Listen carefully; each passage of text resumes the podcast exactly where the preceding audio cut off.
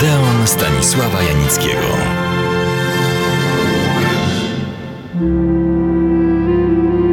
Ten proces, jeden z najgłośniejszych procesów o morderstwo w Polsce przedwojennej, może wkrótce wrócić na wokandę. Co nas to w Odeonie obchodzi?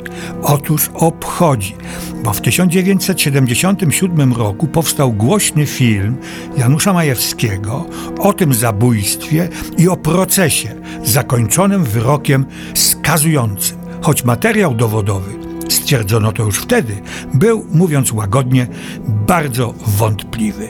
Wszak mieliśmy do czynienia z typowym, niemal wzorcowym procesem poszlakowym. Chodzi o proces wytoczony Ricie Gorgonowej.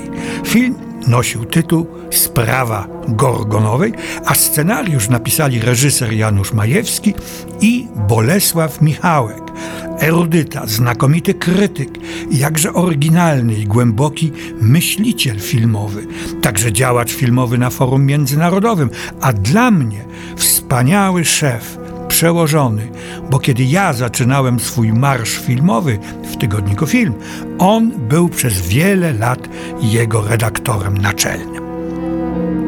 Jego też, tak jak mnie, ciągnęło jednak do aktywnego udziału w twórczości filmowej.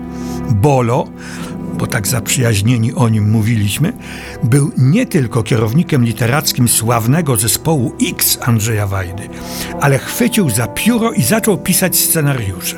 Ponieważ żywił szacunek dla twórców filmowych, czyli przede wszystkim reżyserów, zawsze pisał te scenariusze w ścisłej z nimi współpracy.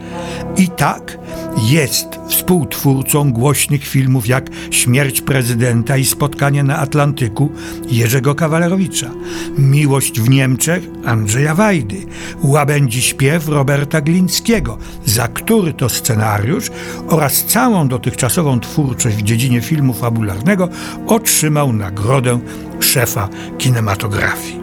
Słuchacie Odeonu Stanisława Janickiego w RMF Classic. Nas interesuje jednak dzisiaj sprawa Gorgonowej. Powiem zaraz, że zestaw twórców tego filmu z roku 1977, więc epoki poniekąd już przedpotopowej, jest imponujący. Scenarzystów i reżysera już wspomniałem. Zdjęcia nieodżałowany, świetny operator, prawdziwy mistrz kamery Zygmunt Samosiuk.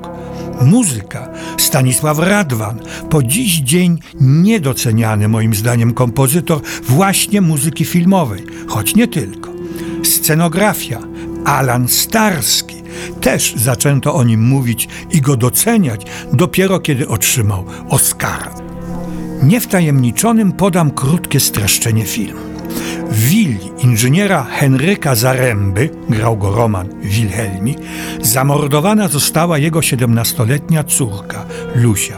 Oskarżono o tę zbrodnię Ritę Gorgonową, Ewa Dałkowska, gospodynię i wychowawczynię, a także kochankę Zaręby i matkę jednego z trojga jego dzieci. Wokół Gorgonowej z pochodzenia Dalmatynki rozpętana została bezprecedensowa, histeryczna kampania. Sąd skazuje Gorgonową na śmierć. Jej obrońca, przekonany o niewinności oskarżonej, odwołuje się do Sądu Najwyższego. W więzieniu Gorgonowa rodzi drugą córeczkę Zaręby. Sąd Najwyższy uchyla wyrok i kieruje sprawę do powtórnego rozpatrzenia w Krakowie. Jeszcze raz uznana zostaje za winną zabójstwa, lecz jej czyn uzyskuje kwalifikację morderstwa w afekcie. Skazana na 8 lat więzienia, opuściła je 2 września 1939 roku. Do końca nie przyznała się do winy.